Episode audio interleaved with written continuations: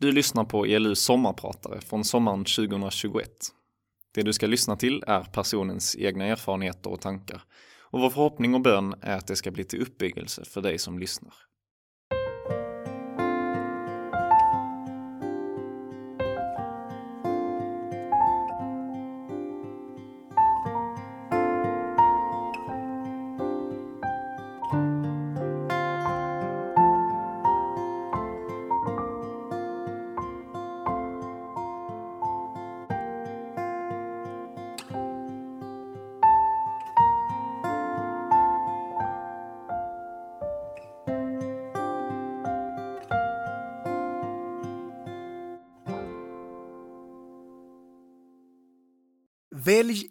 Person som du inte tror kan bli kristen och be att just han ska bli det. Orden ekade i mitt huvud samtidigt som vågorna sköljde in över mina fötter. Vad hade Ebba precis sagt? Trodde hon på riktigt att någon av mina klasskompisar skulle kunna bli kristna? Vi gick längs stranden i Åhus i den varma augustikvällen. Solen var på väg ner över talltopparna. Den ljumma havsbrisen blåste i vårt solblekta hår.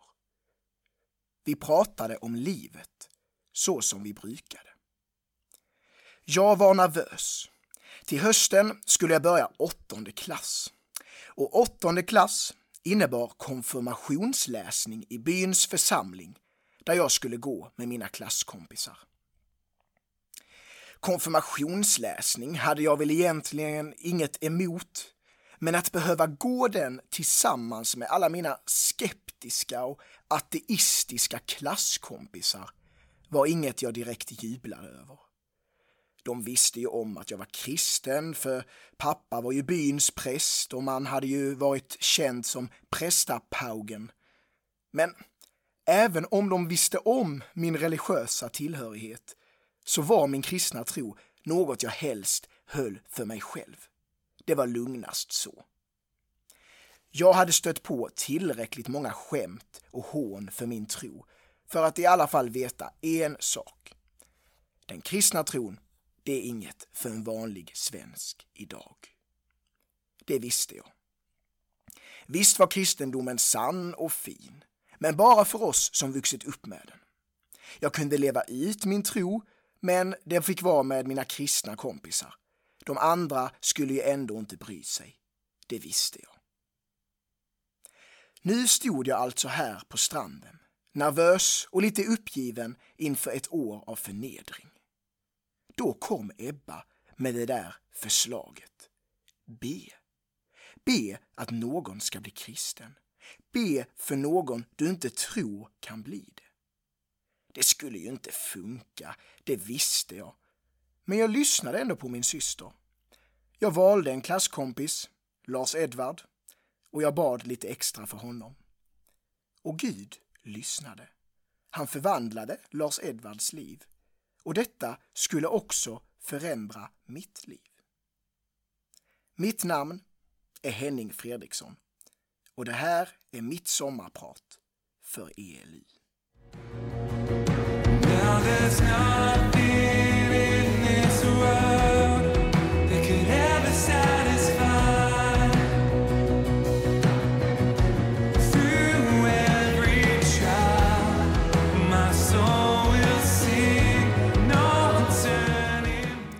Jag har nog alltid varit kristen. När människor frågar mig om min väg till tro så vet jag sällan vad jag ska svara.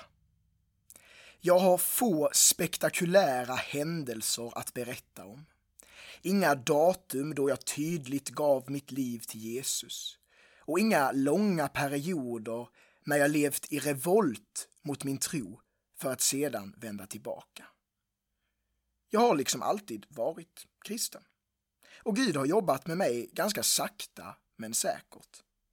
Och gör så fortfarande. Ibland kan jag tycka att det är lite tråkigt att inte ha en mer spännande berättelse att berätta. Men samtidigt tänker jag att min berättelse får spegla lite hur Gud ofta arbetar. Långsamt, i det vi inte märker, i det som inte verkar så stort. Men i det lilla och i det långsamma kan Gud låta något stort växa fram. Jag döptes den 24 maj 1999. Och även om jag inte minns den dagen så tror jag nog att det är den viktigaste dagen i mitt liv. Då blev jag, utan krav, upptagen som Guds barn och fick bli hans älskade. Den tro som jag döptes till blev från början väldigt viktig och naturlig för mig. Mycket på grund av mina föräldrars varma och levande tro. Mina föräldrar visade genom sitt sätt att vara och prioritera att inget är viktigare än Gud och att leva nära honom. Söndagarna, det var alltid, utan undantag, gudstjänstens dag. Bönen var en naturlig del av det dagliga livet. Den kärlek som man hörde om i Bibelns berättelser levdes ut hemma. Samtal om Gud och Bibeln, det var naturligt och vanligt. Detta ledde till att tron för mig blev en självklarhet. Som barn var Gud en grundläggande och naturlig del av mitt liv. Jag tänkte mycket kring min tro, jag ställde frågor och jag tyckte att det var naturligt att vända mig till Gud. Han fanns ju där och han var en trygghet. På kvällarna kunde jag ofta fråga pappa typ så här. Kommer det börja brinna i natt, pappa? Kommer något farligt hända i natt? Kommer jag dö i natt? Jag var nog ett ganska nojigt och oroligt barn. Något som har följt mig genom livet. Men det som mer än något annat skrämde mig, det var tanken på döden. Att i all evighet sluta existera, uppgå i intet, det har alltid varit en fruktansvärt obehaglig tanke. Och jag tror nog att min rädsla för döden är en av anledningarna till att Gud blev så viktig för mig som barn. För redan som barn insåg jag att inget annat kunde rädda mig från dödens mörker. Det var bara Gud som gav mig hopp. Och därför blev tron tidigt något mer än bara en åsikt jag fått från mina föräldrar. Det blev en livsviktig del av mitt liv och en oerhörd trygghet. Därför blev chocken ganska stor när jag successivt började förstå att alla inte tror på Gud. Mina klasskompisar trodde ju inte. Och de mådde bra, var minst lika trevliga som mig och hade föräldrar som ibland verkade smartare än mina egna, men som inte heller trodde. Detta var obehagligt att inse och vid tidig ålder började en rädsla smyga sig in hos mig. Tänk om Gud inte finns. Tänk om jag lever på en lögn.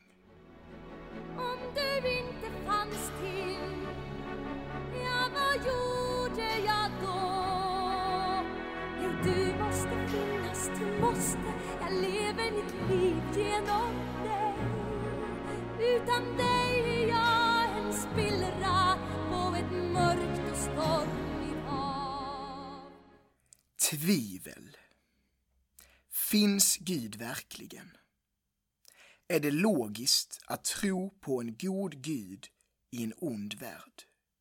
Har inte vetenskapen och evolutionsteorin för alltid gjort Gud onödig och orimlig? Är Bibeln verkligen något att lita på? Har Jesus uppstått? Dessa frågor och liknande började tidigt plåga mitt unga sinne och gör det delvis än idag. Jag är och har alltid varit en tvivlare. Tron på Gud har inte varit något jag bara blint accepterat. Den har alltid varit något jag ifrågasatt och intellektuellt brottats med. Utåt sett har jag nog ofta varit den som haft starkt tro och haft svar på allt. och på sätt och vis så har min tro varit naturlig och stark. Men samtidigt har jag i min kammare spenderat många kvällar och nätter på Youtube, Google och i olika böcker där jag sökt svar på mina tvivel och frågor. I slutet på mellanstadiet och i början på högstadiet började jag mer och mer inse den krassa sanningen. Antingen så har mina klasskompisar rätt. Gud finns inte, kristendomen är falsk och hela det hopp jag byggt mitt liv på var en lögn. Eller så hade mina föräldrar rätt. Gud finns, kristendomen är sann och då har inte döden sista ordet, utan det finns hopp. För mig fanns det inget mellanläge. Antingen var kristen tro sann eller falsk. Och för mig blev detta en fråga som inte bara var intressant för de som gillar filosofi, utan jag förstod att svaret på denna fråga förändrade allt. Hur vacker och fin kristen tro än kunde vara, så var den inget att ha om den inte var sann. Därför började jag undersöka vad det egentligen fanns för argument för och emot kristen tro. Jag minns att jag ofta sökte på Google eller Youtube “Finns Gud?” och sen kunde jag hitta in på alla möjliga sidor för att hitta svar. Det var vid denna tid som jag introducerades för Stefan Gustafsson och hans vänner på Credoakademin, numera Apologia. Stefan och hans kollegor gjorde något som djupt berörde mig. De lät frågorna och tvivlen få ta plats. De brottades med dem och de vågade söka svaren. Och jag tror verkligen att det är så viktigt att vi vågar göra detta. Självklart kan vi aldrig förstå allting. Vi är bara människor.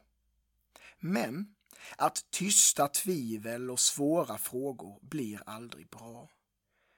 Jag tror att vi får förvänta oss att den Gud som har skapat världen och vårt förnuft går att upptäcka genom att studera världen med hjälp av vårt förnuft. Vi behöver inte vara rädda för att söka sanningen.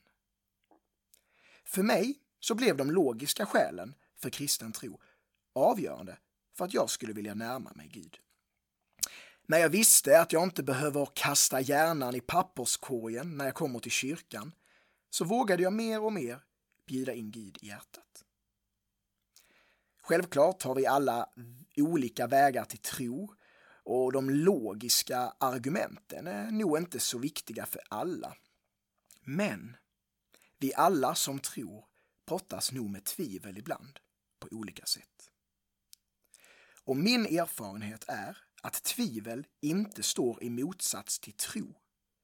Tvärtom. Tvivel för mig ofta djupare i min vandring med Gud. Tvivel kan vara ett tecken på att tron faktiskt spelar roll för oss.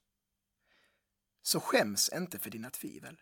Våga möta dem och bjud in Gud i tvivlen. För mig blev mina tvivel en av de viktigaste vägarna till en djupare tro på Gud. You spoke to the dark and fleshed out the wonder of life.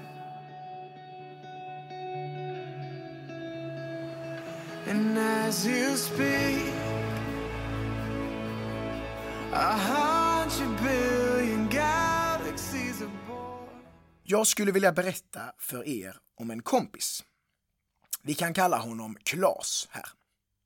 Ehm, jag har egentligen känt Klas eh, i flera år, men jag lärde känna honom på riktigt för ett par år sedan. Då, hösten 2019, led Klas av en grov psykisk sjukdom som plågat honom nästan hela livet. Han hade en psykossjukdom av värsta sorten som gjorde att han ständigt, alltid dag och natt, hörde röster i huvudet utan paus. Rösterna störde Klas och kunde säga taskiga saker till honom och kunde ibland ta över, vilket gjorde att Klas tappade kontrollen. Han gick till olika läkare och fick ta emot starka mediciner för att få ett någorlunda vanligt liv. Men rösten var kvar och han skulle aldrig bli fri från den, sa läkarna. Det var en livslång sjukdom. Hans vardag var stundvis kraftigt begränsad och han led mycket av detta. Trots det var han oerhört tacksam över livet och hade en stark och inspirerande tro. Men ändå, sjukdomen och de starka medicinerna plågade honom, kanske mer än han visade. I november 2019 satt vi på en ungdomssamling i kyrkan och Klas höll en andakt och delade lite kring sin sjukdom.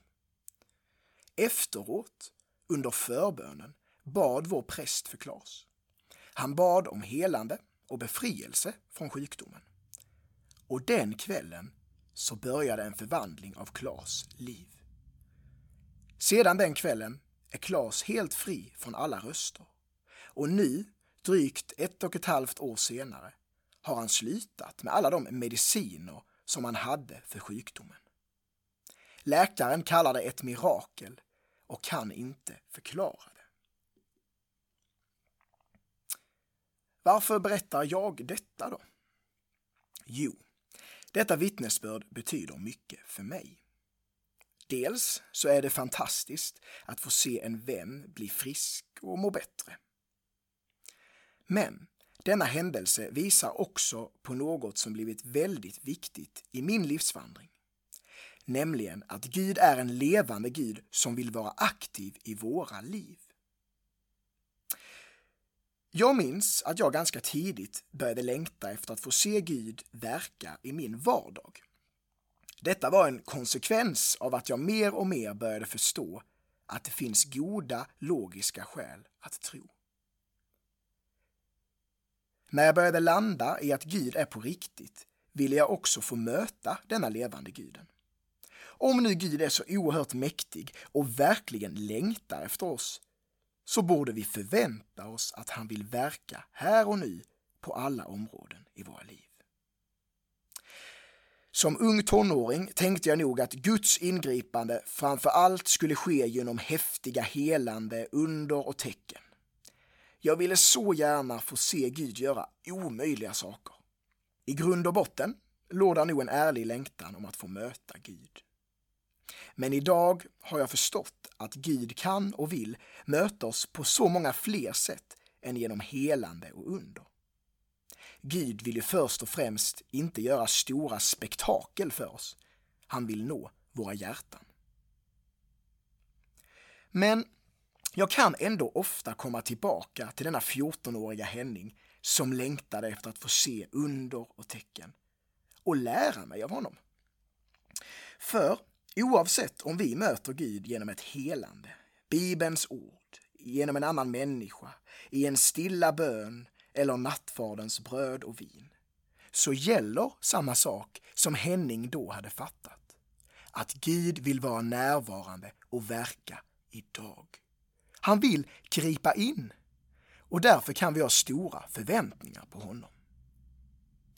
För mig så är Klas helande ingen vardagsmat. Jag har aldrig varit med om något liknande och jag tror nog inte att jag själv har blivit helad på det sättet någon gång. Men för mig var det ett tecken. Ett tecken som strök under att Gud är här och vill förvandla oss. I mitt eget liv har Gud ofta jobbat i det som kan se litet ut, sakta och säkert. För andra, som hos Klas, märks det snabbare att Gud har gripit in. Jag har fått inse att det inte spelar så stor roll.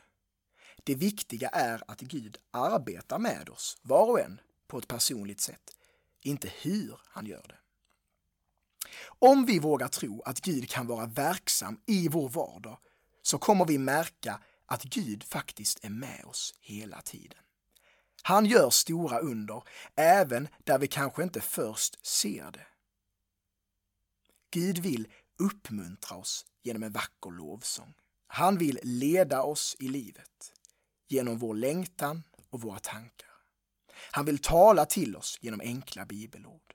Han vill lysa med sin godhet mot oss genom solens strålar en varm morgon i juli. Han vill trösta oss genom ett profetiskt ord från en vän. Han vill ge oss frid och mod mitt i ångesten. Med andra ord, han vill vara med. För mig har de senaste månaderna inneburit mycket frågor, kamp och ångest. Gud har sällan befriat mig från något av detta, men när jag väl har bjudit in honom har han kommit mig nära på olika sätt. Kanske genom en omhändertagande vän eller ett talande bibelord eller en profetisk bild i bönen. Och mitt i stormen så kommer han med sin frid som kan övergå allt förstånd. Jag har fått upptäcka att Gud är en Gud som står vid sitt ord om att han vill vara med oss alla dagar. Han längtar efter att förvandla oss och göra stora under, även i det som kan se litet ut för världen.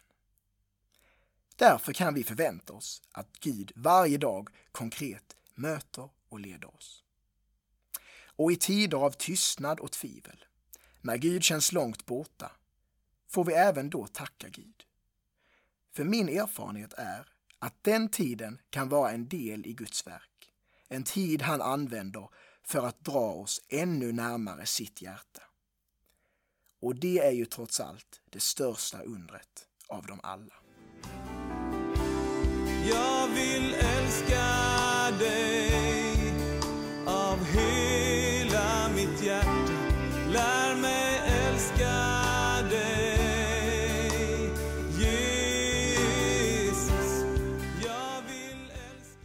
Tillbaka till 14-åriga Henning. Gud var min trygghet. Gud var mitt hopp om att få slippa dödens mörker. Gud var på riktigt och jag längtade efter att få se honom aktiv i mitt liv. Min tro var helt enkelt, som jag sagt, väldigt viktig för mig. För mig. Men för andra, för de som gick i min klass eller mitt fotbollslag, var kristen tro något för dem? Nej, som jag sa inledningsvis så trodde jag knappt det. Jag hade gott om kristna vänner där jag kunde vara mig själv och leva ut min tro. Men andra människor som kom från sekulariserad bakgrund vill jag gärna dölja min tro för. De brydde sig ju ändå inte.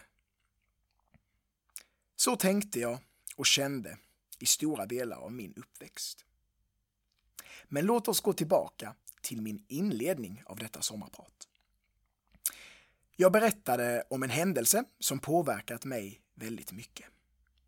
På min systers uppmaning bad jag för min skeptiske vän Lars Edvard, som sedan under konfirmationen blev kristen. Detta blev en avgörande händelse för mig som på många sätt fick min gudsbild att skrynklas ihop. Att Gud kunde möta även mina skeptiska klasskompisar som levt lyckliga, vanliga svenska liv, det var mer än vad jag hade kunnat tro och hoppas. Kristen tro kunde alltså bli relevant även för andra än oss som vuxit upp med tron sedan bröstmjölken och lärt oss Psaltaren 23 utan till i söndagsskolan. För mig satte detta djupa spår som påverkar mig än idag. Jag jobbar nu som ungdomsledare i den församling där jag och mina klasskompisar gick konfaläsning för snart åtta år sedan. I vårt ungdomsarbete idag så får vi se människor från icke-kristen bakgrund som lär känna Gud och börjar vandra med honom. Självklart är det många av dem vi möter som aldrig tar något steg i tron och en hel del av dem som börjar kalla sig kristna faller efter ett tag bort från tron. Men några stannar. Även om jag inte förstår varför vissa stannar och andra inte, så vet jag en sak. Alla människor kan lära känna Gud och Gud vill lära känna alla. Ibland känns det som att vi kristna inte riktigt har förstått detta. För egen del kan jag känna att det ofta glöms bort i mitt liv. Men genom de ungdomar som jag har fått möta här så har Gud visat sitt hjärta. Gud vill att varje människa ska lära känna honom och han vill använda oss som sina utsträckta händer. Inser vi detta? Lever vi efter detta? Har vi förstått att ett av våra största uppdrag som kristna är att vara missionärer i vår vardag? Eller handlar våra liv mest om att vi själva ska må bra? Att vi ska få njuta av våra egna intressen och umgås med de fina kristna vänner vi redan har? Allt det är ju förstås gott. Men frågan är om vi inte någonstans på vägen har tappat bort Guds hjärta att nå fler människor. Men det måste inte vara så för oss. Med Andens hjälp kan vi alla förvandlas till missionärer mitt i vår vardag. Bland de människor vi möter på jobbet, golfbanan eller gymmet. Personligen har min frimodighet från andra hälften av högstadiet på många sätt bleknat. Under gymnasiet kunde jag ofta vara frustrerad på mig själv att jag inte vågade visa min tro tydligare. Så känner jag ofta även idag. Men mitt i vårt missmod får vi komma ihåg att Gud är vår hjälpare. Han vill låta sitt hjärta, som slår för alla onådda, bli vårt hjärta. Vi får fråga Gud vilka i vår omgivning han vill sända oss till. Han vill kalla oss till en ny livsstil där vi är människofiskare i vår vardag.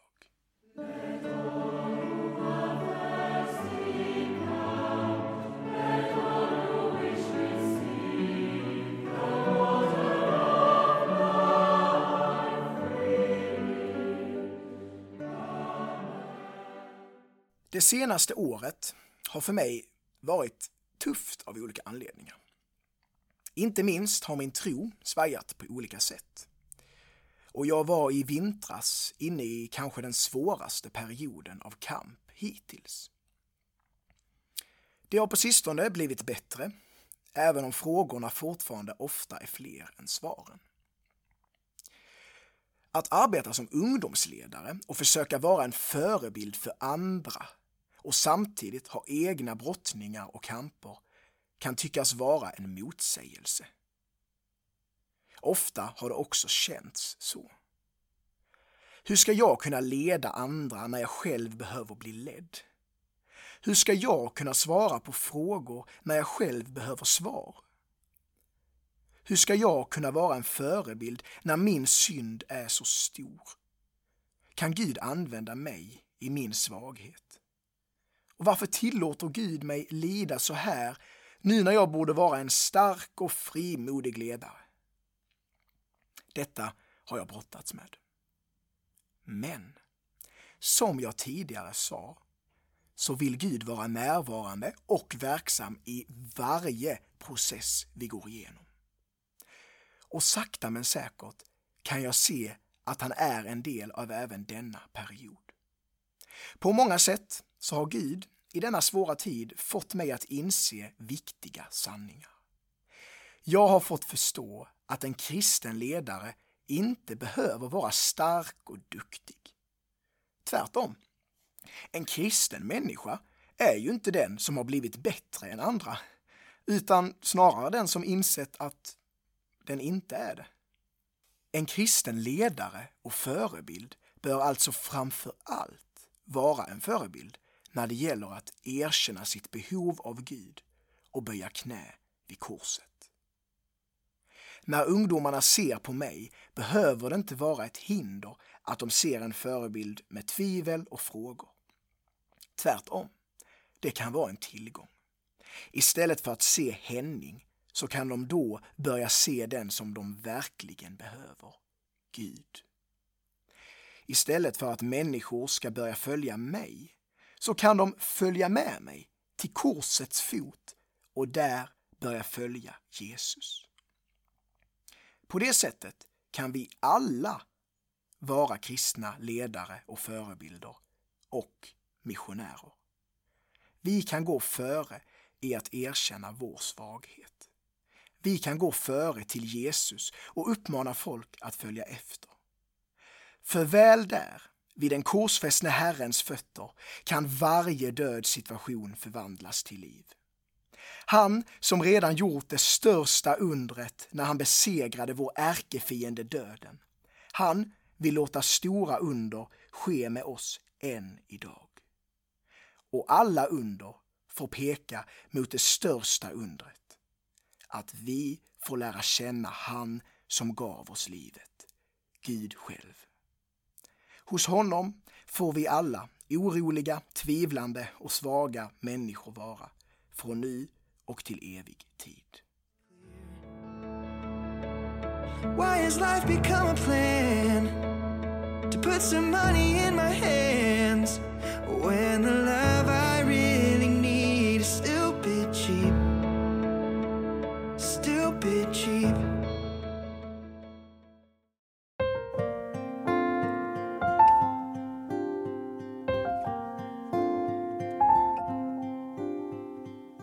Du har lyssnat på ELUs sommarprat. Du hittar våra andra avsnitt i ELU-arkivet i din podcastapp, på Spotify eller på elungdom.se. Där kan du dessutom ge en gåva eller bli månadsgåvogivare till ELU. Tack för att du lyssnat och ha en riktigt fin sommar.